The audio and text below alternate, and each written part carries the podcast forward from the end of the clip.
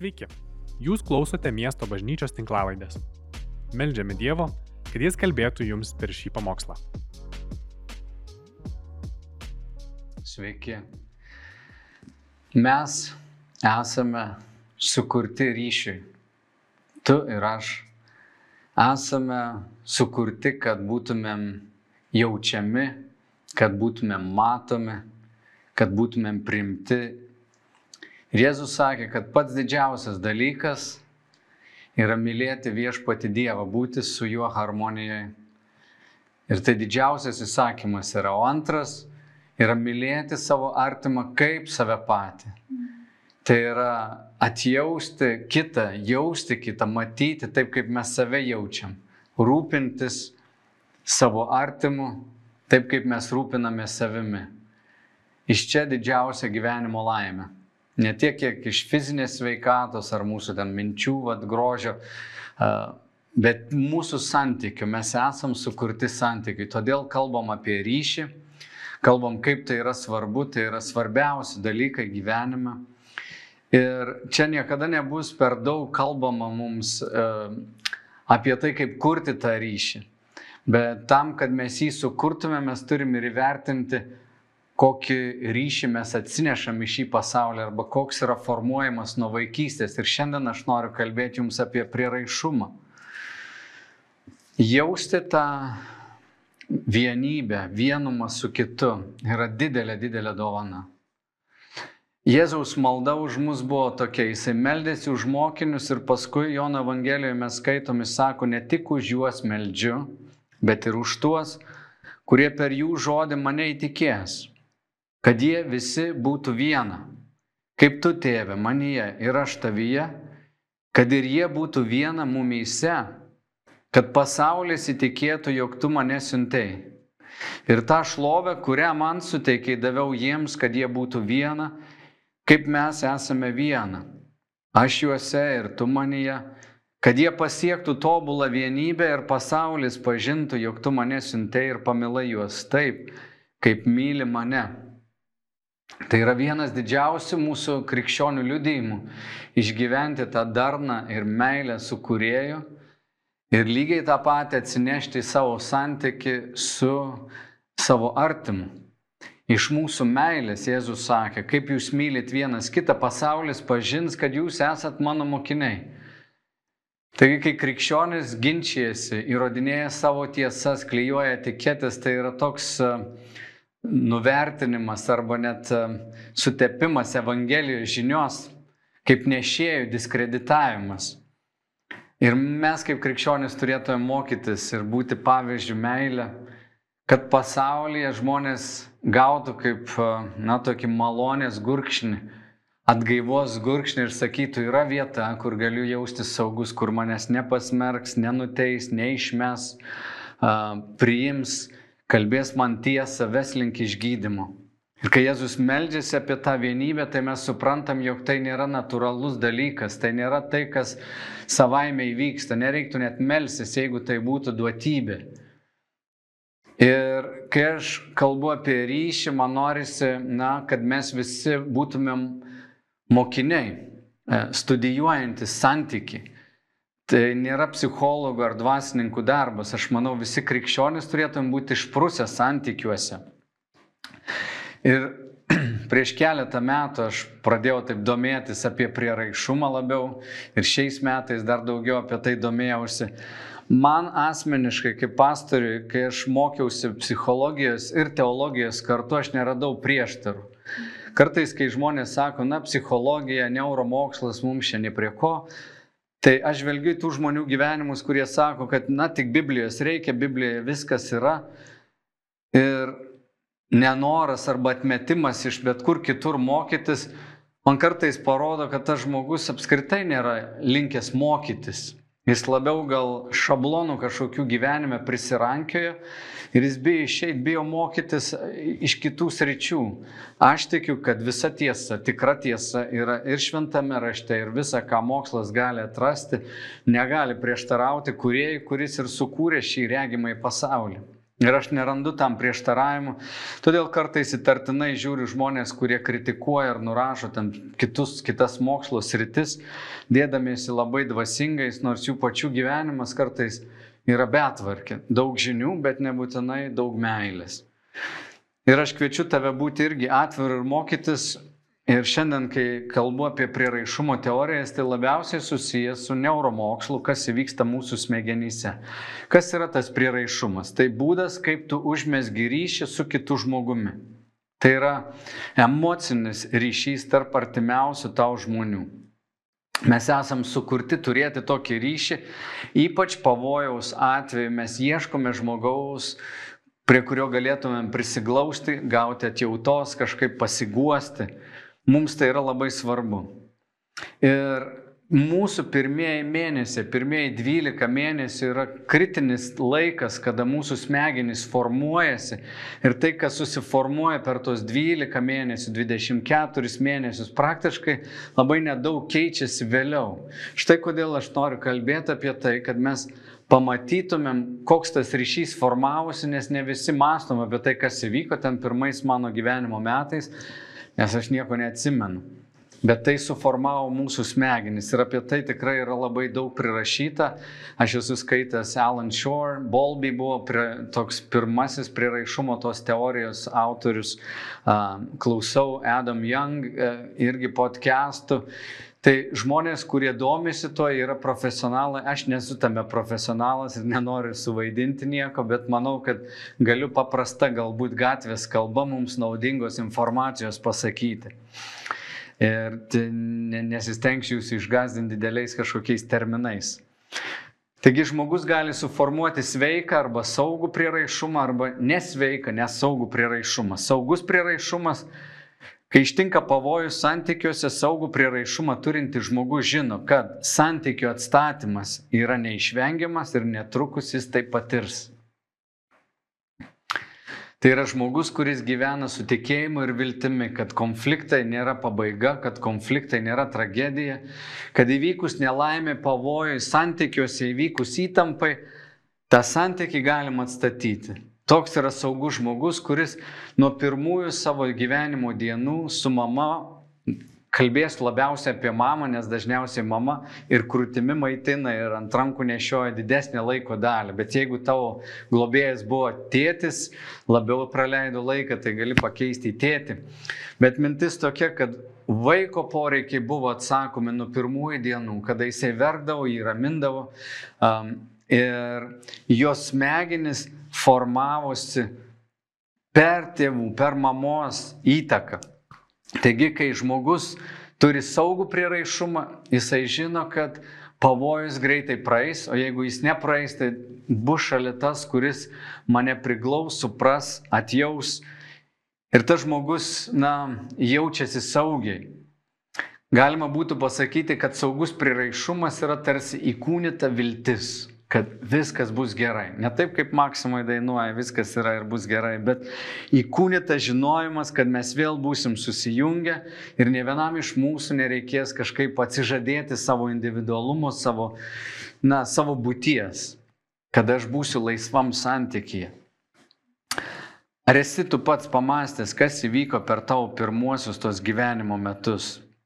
Tas na, autorius, neuromokslininkas Alnas Šoras, jisai sako, kad esminė pirmųjų gyvenimo metų užduotis yra sukurti saugų prieraišumą per emocinį bendravimą tarp tavęs ir tavo mamos.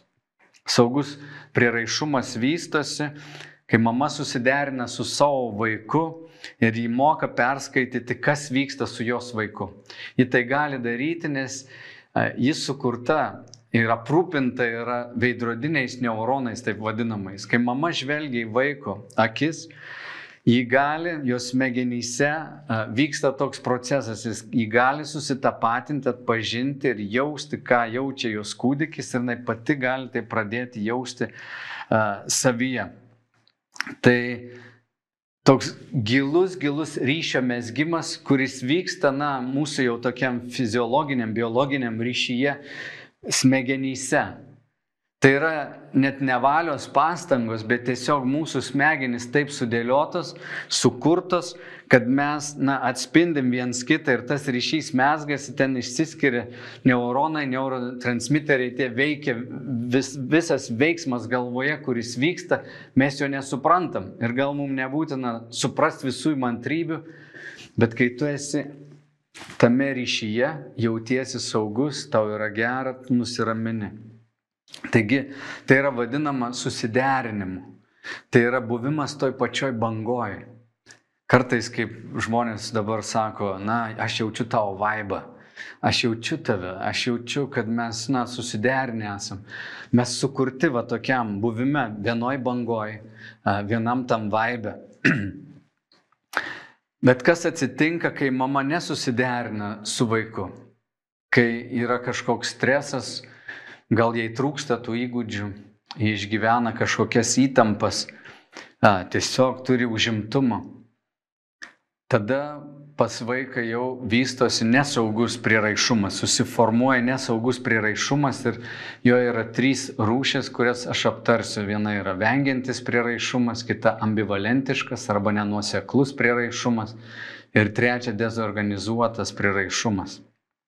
Taigi, Saugus priraišumas, jis užsimesga su vaiku ne dėl to, kad mama praleido labai daug laiko su juo. Pavyzdžiui, viena ten nebuvo tiek valandų, ta, kuri buvo visą laiką, automatiškai jau turi tokį priraišumą. Jokių būdų. Tai yra labiau susijęs su tuo, kad saugus priraišumas gimė arba išsivystė dėl to, kad mama atsakydavo į vaiko poreikį, kada jam to reikėdavo. Pavyzdžiui, vaikui uh, jis nori, kad jis būtų apkabintas, mama jį apsikabina, nori, kad jis būtų pakeltas, mama jį pakelia. Bet jeigu mama tuo metu gal leidžia laiką, bet jeigu jinai yra telefone, jinai žiūri į, telefoną ir nekreipia dėmesio į vaiką, kai vaikas ieško akių kontakto, na tai jau yra žala vaikui ir jos smegenys automatiškai yra veikiami. Taigi atsakymas į vaiko poreikius, kada jam to reikia, Tai yra saugaus priraišumo um, vystimasis. Um, tai ir tai vyksta per akis, per, per kontaktą. Aš norėčiau jums pailustruoti tai tokiu senu eksperimentu, kuris vadinasi ramaus veido eksperimentas, jis keletą minučių trunka, yra subtitruotas. Aš kviečiu tave pasižiūrėti, kad tu suprastum, Kas vyksta su vaiku visiškai nesąmoningai vien dėl uh, globėjo, šiuo atveju mamos uh, veiksmų. Pažiūrėkim. Babies this young are extremely responsive to the emotions and the reactivity and the social interaction that they get from the world around them. This is something that we started studying oh, 30, 40 years ago when people didn't think that infants could engage in social interaction. In the still face experiment, what the mother did was she sits down and she's playing with her baby who's about a year of age. I'm like a girl. Oh. And she gives a greeting to the baby, the baby gives a greeting back to her. Yeah.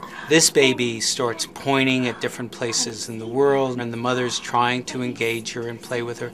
They're working to coordinate their emotions and their intentions, what they want to do in the world. And that's really what the baby is used to. And then we ask the mother to not respond to the baby. The baby very quickly picks up on this. And then she uses all of her abilities to try and get the mother back. She smiles at the mother. She points because she's used to the mother looking where she points. The baby puts both hands up in front of her and says, What's happening here? She makes that screechy sound at the mother, like, Come on, why aren't we doing this? Even in this two minutes when they don't get the normal reaction, they react with negative emotions. They turn away. They feel the stress of it. They actually may lose control of their posture because of the stress that they're experiencing. Okay. Here. And what are you doing? Oh, yes. Oh, what a big girl. It's a little like the good, the bad, and the ugly. The good is that normal stuff that goes on that we all do with our kids. The bad is when something bad happens, but the infant can overcome it. After all, when you stop the still face, the mother and the baby start to play again. The ugly is when you don't give the child any chance to get back to the good. There's no reparation, and they're stuck in that really ugly situation. Taigi, ką mes čia pamatėm, kad vaikas tok- per tokį trumpą laiką gali išgyventi visą na, emocijų tokį uh, kaitą. Ir jis atreaguoja į mamą iškart, iškart. Tu gali įsivaizduoti tada, jeigu mes kalbam jau apie nesaugų, neatlieptą poreikį, nesaugų, nesaugaus prieraišumo vystimasi, kas įvyksta su vaiku per 12 mėnesių laikotarpį, kada mamos elgesys, tėvų elgesys kartojasi nuolat. Mato, čia kas svarbu, ką mes matėm e, šitam eksperimente, tai kad vaikas iš karto atreaguoja. Jeigu mamos reakcijos būtų uždėlstos arba būtų padarytas video įrašas ir vaikas e, nejaustų tuo pačiu metu, kad mama atreaguoja, kas vyksta su juo. Būtent tą akimirką, jeigu nebūtų sinchronizacijos, vaikas išgyventų tą patį nerimą, tarsi mamos nebūtų arba jos veidas būtų šaltas, ramus, be jokių emocijų. Tai mes kalbam apie sinchronizacijos šitą svarbą, ar ne, kad yra poreikis ir jis yra atliepiamas iš karto. Du žmonės yra ryšyje, nuolatiniam kontakte. Mūsų dangiškas tėvas mūsų kūrė tai būti tokioje harmonijoje su juo ir vienas su kitu, kad mes, na, dalyvautumėm čia ir dabar pilnai, būtumėm susiderinę. Ką mes matėm, kad šitas vaikas negali savęs reguliuoti. Vienas dar toks terminas, kurį norėčiau jums pristatyti, taip skamba gal keistai - afekto reguliavimas. Tai yra bandymas pakeisti ar kontroliuoti savo nuotaiką ar emocinę būseną, kad būtų kuo daugiau e, malonių potyrių ir kuo mažiau nemalonių. Kadangi žmonės negali patys reguliuoti save, kaip mes matėm šitą kūdikį, ar ne? Kaip mama elgesi, kūdikis tik atreaguoja, arba kūdikis kažką padaro, mama sureaguoja taip pat. Bet vaikas negali sureguliuoti savo emocijų, jis yra na, iš išorės tarsi reguliuojamas. Tas efekto reguliavimas yra uh, toks gebėjimas, kada žmogus per laiką jis išmoksta save sureguliuoti. Saugiame ryšyje, kai vaiko poreikiai nuolat atliepiami, jis išvysto pats tokį sveiką būdą, kaip save sureguliuoti. Tai tą efekto reguliavimą galim būtų į skalę sudėti nuo 1 iki 10 ir tavo normali būsena būtų penketukas. Tu tiesiog esi ramus, viskas yra gerai, tavo kvepavimas ramus. Yra du būdai išsiderinti, išsireguliuoti, ką mes matėm netgi su šito vaiku. Uh, jisai išsiderino ir nuėjo tokį va dešimtuką, tai tokį nerimą, vos ne paniką, kažkokia, kas čia vyksta su mama, mano mamos veidas yra šaltas, jinai nereaguoja. Yra kitas būdas, jeigu tai nuolat kartotum, vaikas gali taip pat nueiti ir į tą vienetuką, kitą kraštutinumą, kuris tampa visiškai šaltas, tarsi miręs, um, be jokių emocijų.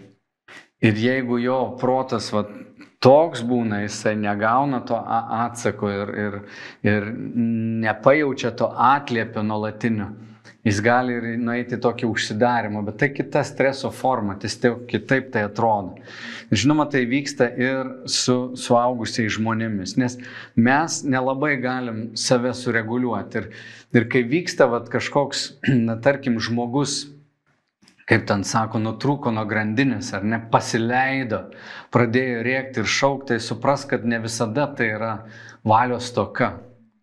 Tai gali būti poveikis, kurį tas žmogus išgyveno, kai jis buvo mažas ir jos smegenys taip susiformavo, jis nežino visiškai kaip kitaip besielgti. Kai šiandien matai 30 metį nesivaldantį arba 30 metį, kuris konflikto metu tiesiog užsidaro, užšala, išeina. Tai yra nenormalus reagavimas, jis negali atstatyti, atrodo, to santykio. Supras, kad tai nėra piktavališkumas iš jo tuo metu, jo smegenys taip veikia. Tam tikrą prasme mes visi esam sužaloti.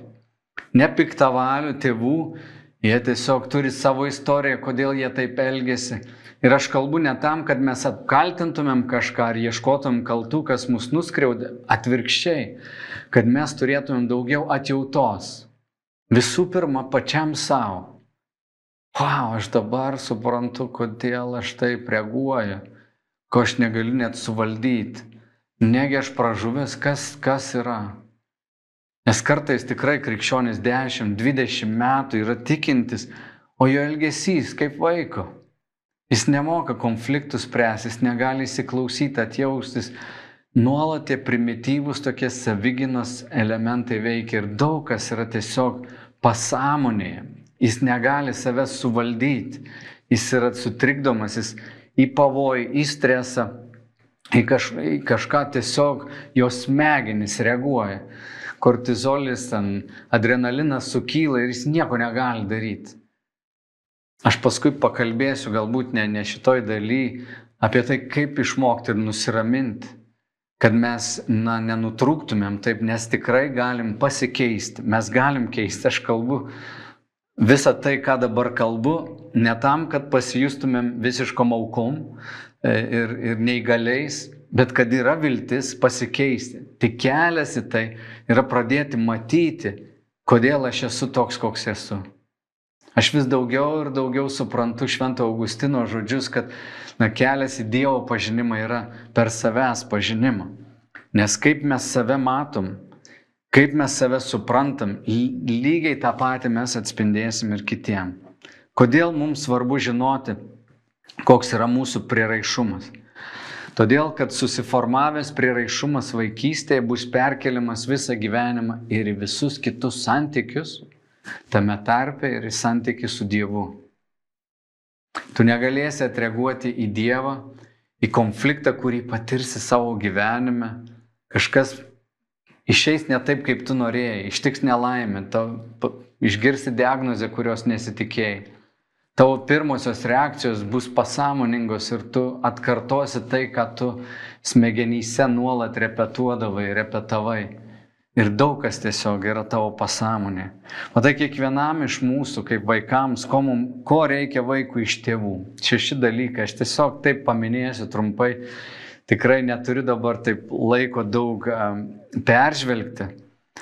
Bet pirma, tai to susiderinimo. Tėvai turėtų nuolat būti tame ryšyje, tokiam susiderinime. Atlėpio, tai yra tokio uh, dalyvavimo, uh, atpažinimo vaiko emocijų, įsitraukimo Tai yra, kad tėvai ir dalyvauja tame, afekto reguliavimo, toleruoti tavo negatyvės emocijas ir kad tėvai pripažintų klaidas ir atstatytų santyki. Tai yra tie šeši dalykai, kurių mums reikia iš tėvų, kad mumise formuotųsi sveikas, saugus ryšys. Ir jeigu mes negaunam tų dalykų iš savo tėvų, tada mes, na, įeinam į tuos nesaugaus ar nesveiko priraišumo būseną. Ir paminėsiu dabar, aptarsiu tos a, tris priraišumo, nesaugaus priraišumo tas formas. Um, apie tai daugiau galim bus pakalbėti šį antradienį. Ir labai džiaugiuosi, kad jo Vita, Lina ir Aurelija, na, žmonės, kurie užsima jos visos savo profesionalioj veikloj su tuo darbuojasi, galės pakalbėti giliau apie tai ir dar kitą antradienį jūs galėsit ir galimybę turėsit užduoti klausimų. Tai aš kviečiu tave aktyviai tuo domėtis ir, ir, ir pažiūrėti. Mūsų Facebook miesto bažnyčios paskyroje bus tas renginys antradienį vakare. Taigi, vengiantis priraišumas yra nesaugaus priraišumo toks būdas, Ir jis paverčia suaugusiai tokia atsiribojusi žmogumi. Kas tai yra vengiantis priraišumas, kaip jis susiformavo. Tai yra, kai rūpintojas neatsakė į vaiko poreikius. Ir vaikas galiausiai pradeda vengti savo rūpintojo, globėjo, nes jam yra per skaudu. Jo poreikis yra neatsakomas, o kartais galbūt jis patiria netgi at, atmetimą tokį. Ir tai yra be galo uh, nesaugu, nesaugu ir skaudu. Jeigu tu kreipiesi pagalbos, tu išsakai savo poreikį, žinoma, kalbam apie kūdikį, tai jis tiesiog turi vieną būdą turbūt verkti, inkšti, kažką tokio daryti, draskytis, kad atkreiptų dėmesį ir gautų tai, ko jam reikia. Bet toks vaikas, kuris negauna iš tėvų, ko jam reikia, dažniausiai išmoksta pats nusiraminti, išmoksta pats kažkur nueiti vat, į šalį ir užsimti tarsi savimi, nes jis negauna to, ko jam reikia. Jis pradeda tikėti, kad mano poreikiai, mano norai nėra svarbus mano tėvams. Ir tai yra be galo e, skaudu.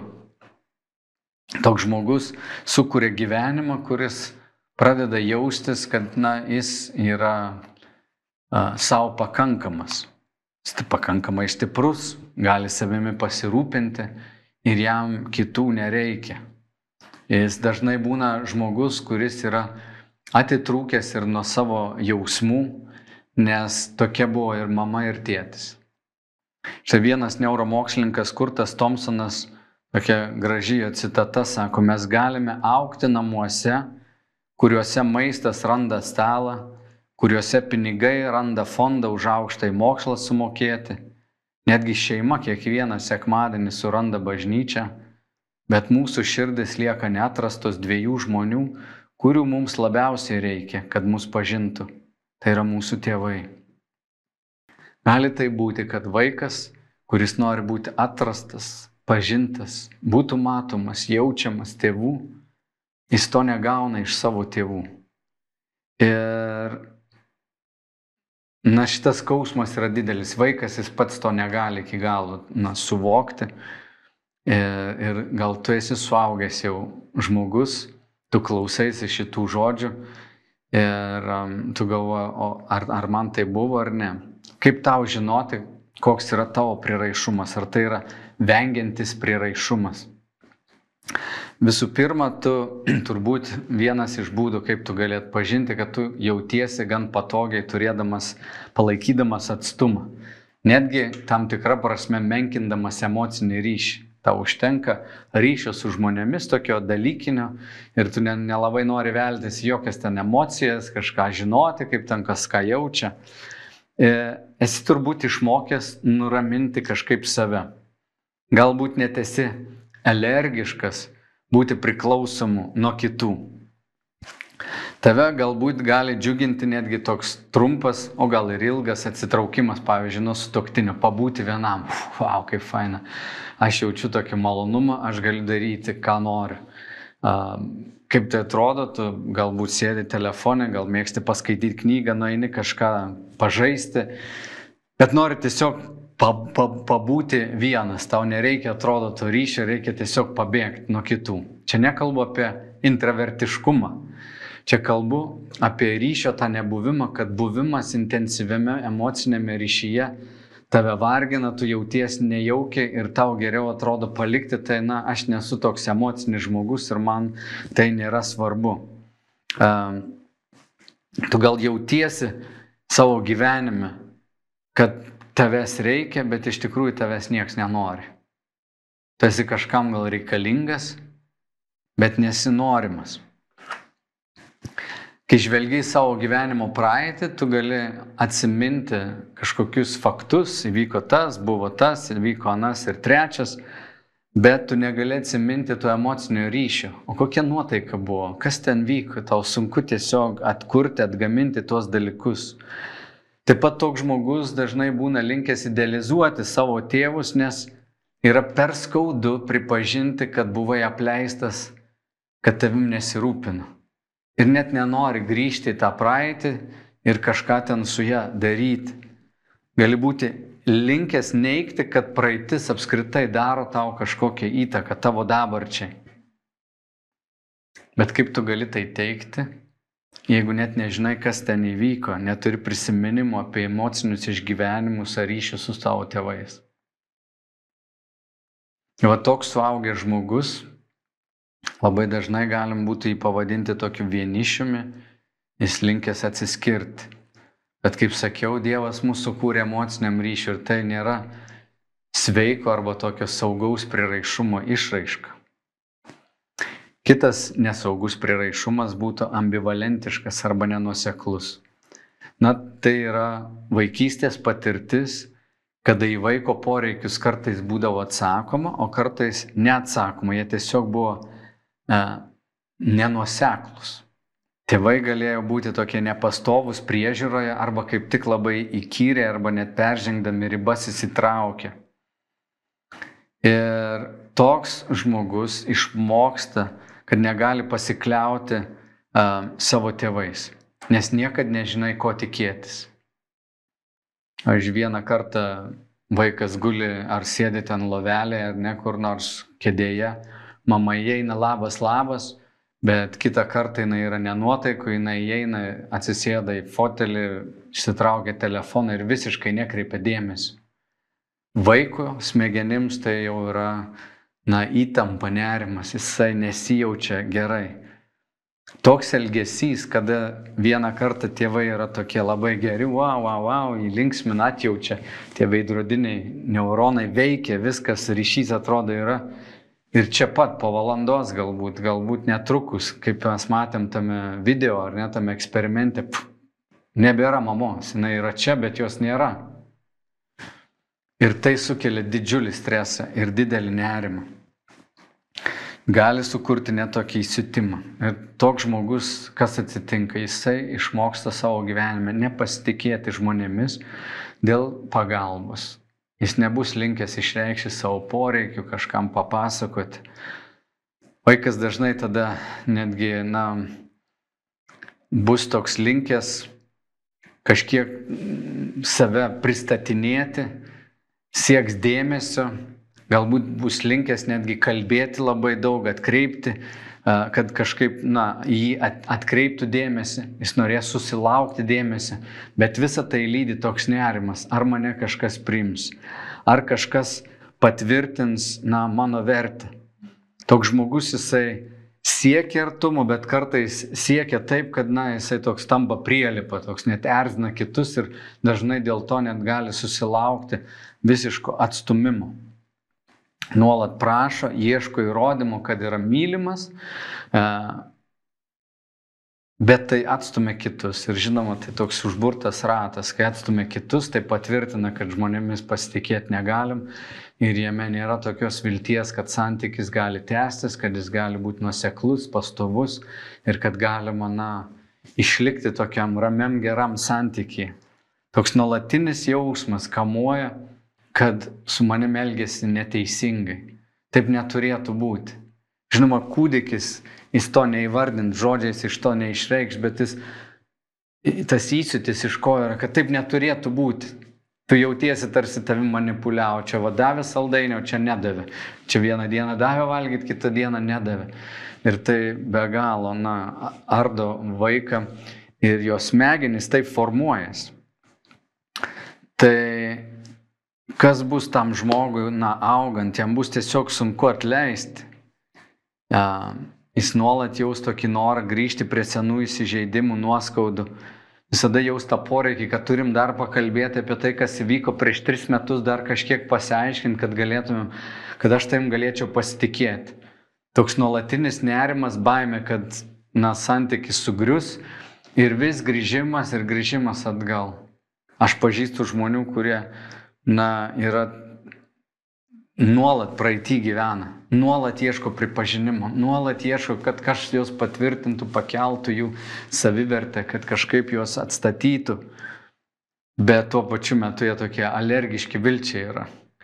Jeigu saugus prieraišumas, kaip sakiau, yra toks, na, vilties įsikūnyjimas, tai čia mes matytume atvirkščiai tokį beviltiškumą.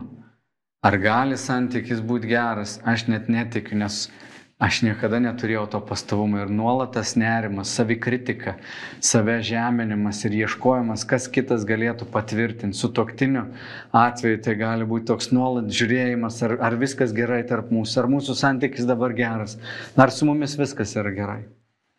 Ir tas, žinoma, vargins, alins kitą. Vėlgi vardiju tuos dalykus ne tam, kad tu jaustumės blogai, bet kaip tik, kad pažintum save, pamatytum, aha, galbūt mano smegenys taip susiformavo, bet netrukus toj pakalbėsiu, kaip ir mes galim tai gydyti. Na, trečias nesveiko arba nesaugaus priraišumo būdas yra toks dezorganizuotas priraišumas. Tai yra, kad žmogus ne tik, kad nepatyrė tokio susiderinimo buvimo toj pačioj bangoj, bet išgyveno prievartą arba na, gavo traumų, išgyveno netgi baimę. Tėvai, kurie buvo lyg ir geri ir tuo pačiu metu baimę kelintis, nesmurtaujantis, tarkim. Tu negauni, ko tau labiausiai reikia, Nors vilti dedi, kad tu gausi iš tėvų, vaikas jis to tikisi, jis užprogramuotas, užmėgsti, įsikabinti tą žmogų kaip į saugumo kažkokį tokį ramstį gelbėjimosi ratą. Ir vietoj gelbėjimosi rato jis gauna rykštę, jis gauna spigliuotos vėlos e, smūgiai į save jis, e, ir, ir, ir jis yra visiškai tada sumišęs. Vaikus, kuriuos aš mačiau, kurie yra taip traumuoti, na, jie pilni tokios baimės, jų elgesys labai keistas. E, žinoma, tai yra įvairiausi psichologiniai, psichiniai sutrikimai, kurie gali pasireikšti vėlesniam gyvenime, bet tai vėlgi vaikas, kuris nori eiti link tėvų, bet gali būti tuo pačiu metu tokie visiškai vat, ir, ir labai atsargus. Lyg ir artėja, bet ir bijo. Ir tai yra, na, ta trauma patirta namuose turbūt yra baisiausia. Žinai, kai tave kas nors pašiepia arba primuša mokykloje, tu grįžti namo ir tėvas tau sako, tu durnas, tu ten lepšis, tu ten pats turėtum ten, aš tuoj tau, kai duosiu, tuoj tai išmokysiu, tu turėtum čia, žinai, dar mūsų giminę visą apginti ir kokią tu čia gėdą darai. Gali įsivaizduoti, ką išgyvena vaikas, kai jisai, na, patiria vieną traumą, grįžta namo ten, kur turėtų rasti prieglopsti, kažkokį saugumą, jis dar labiau gauna. Tokie vaikai, jie yra visiškai sutrikę pasimetę, jie nežino, kokią strategiją čia naudoti, kaip su tais tėvais elgtis, ką reikia daryti.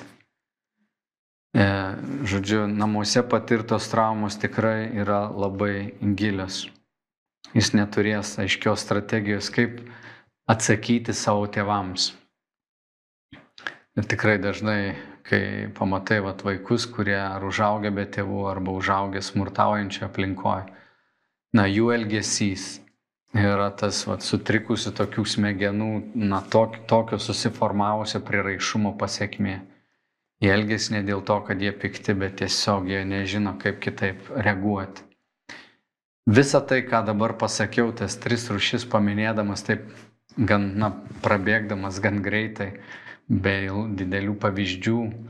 Vis tik norėjau paminėti tai, kad sukelčiau tiesiog jūsų norą pasidomėti, paskaityti, sudalyvauti tame seminare, bet kad tai sukurtų mumise ir atjautą, ir gailestingumą žmonėms. Man patinka mano žmonos elektroninių laiškų pabaigoje yra toks prierašas, sako, būk malonus visiems, nes visi kovoja savo kovas.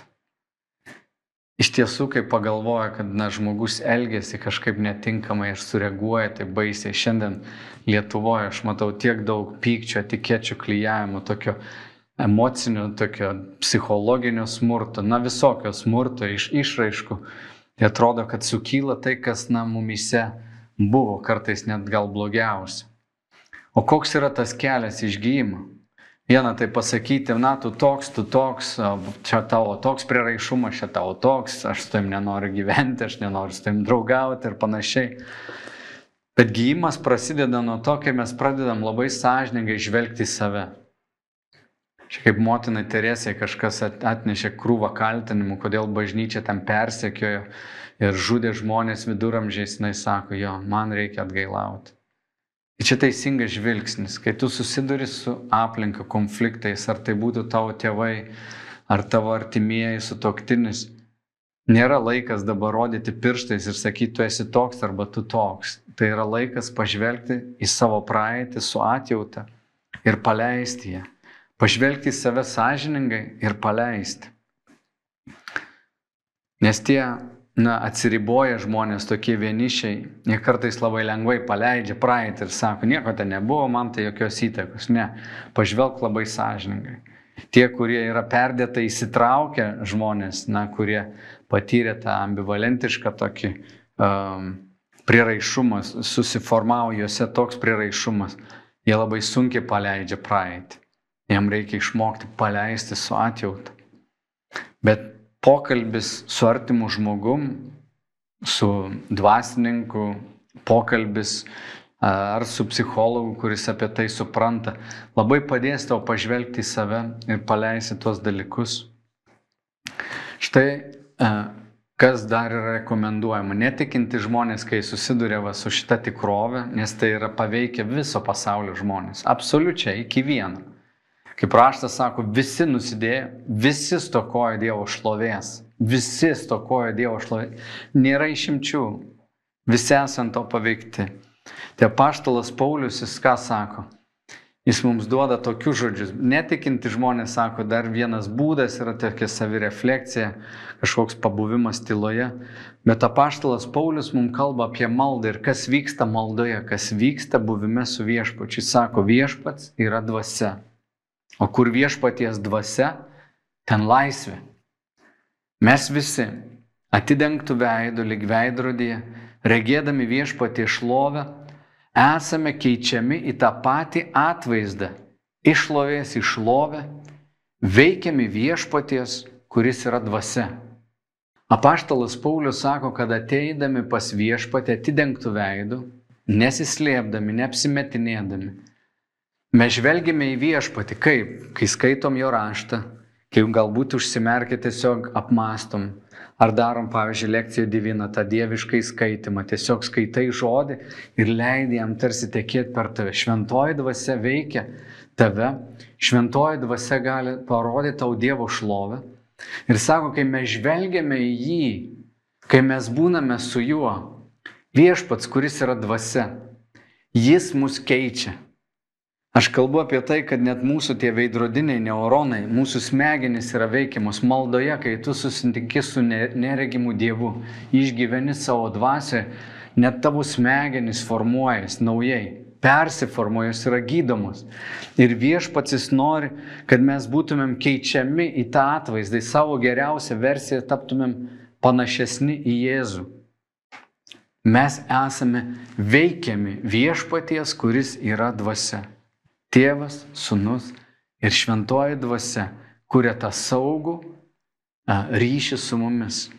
Jėzus atėjo į šį pasaulį, kad sunaikintų nuodėmę, kad sunaikintų vienas kito kaltinimą, vienas kito smerkimą. Jis sako, aš atėjau nepasmerkti, aš atėjau jūsų nenurašyti, aš atėjau pas jūs. Jis atėjo pasistatė namą mūsų kaiminystėje. Jis į mūsų laiptinę atsikraustė, tam, kad užmėgstų ryšį su mumis, kad pasakytų, jog mes sergam, jog mes esam lygoti, jog mums reikia gelbėtojo, mums reikia to, kuris mus išgydytų, išteisintų, nuplautų mūsų nuodėmės, mūsų kaltės, jis dėl to atėjo. Ir jis nori apvalyti tave, mane nuo mūsų kalčių nuodėmių, tik nesislapstyk. Šaukis viešpaties, Nes kiekvienas, kuris šaukės viešpaties, bus išgelbėtas. Ir kai mes ateinam pas jį, jis yra tas, kuris pradeda mus veikti, gydyti mus iš vidaus. Gi mes žiūrim ne į kairę, ne į dešinę, žiūrim į viešpatį ir žiūrim sąžiningai į save. Ir tai yra kelias iškeimo. Tai mūsų maldos gyvenimas būna pripildytas viešpaties šlovės Šventoji dvasia meldžiu, kad mūsų maldos gyvenime matytumėm tavo veidą ir būtumėm keičiami tą atvaizdą, kurį esam pašaukti tapti panašiais į Kristų Jėzų. Pašventink viešpatė, meldžiu, kad ateitų atjauta vienas kitam, kad mes su gailestingumu žvelgtume į save mylėtumėm save, kad galėtumėm mylėti ir savo artimą. Šventoji dvasia, meldžiu, kad stiprintum ryšį mūsų vienas su kitu ir su tavimi. Amen. Ačiū, kad klausėte. Daugiau informacijos rasite mūsų svetainėje miestobažnyčia.lt arba Facebook, Instagram ir YouTube paskiruose.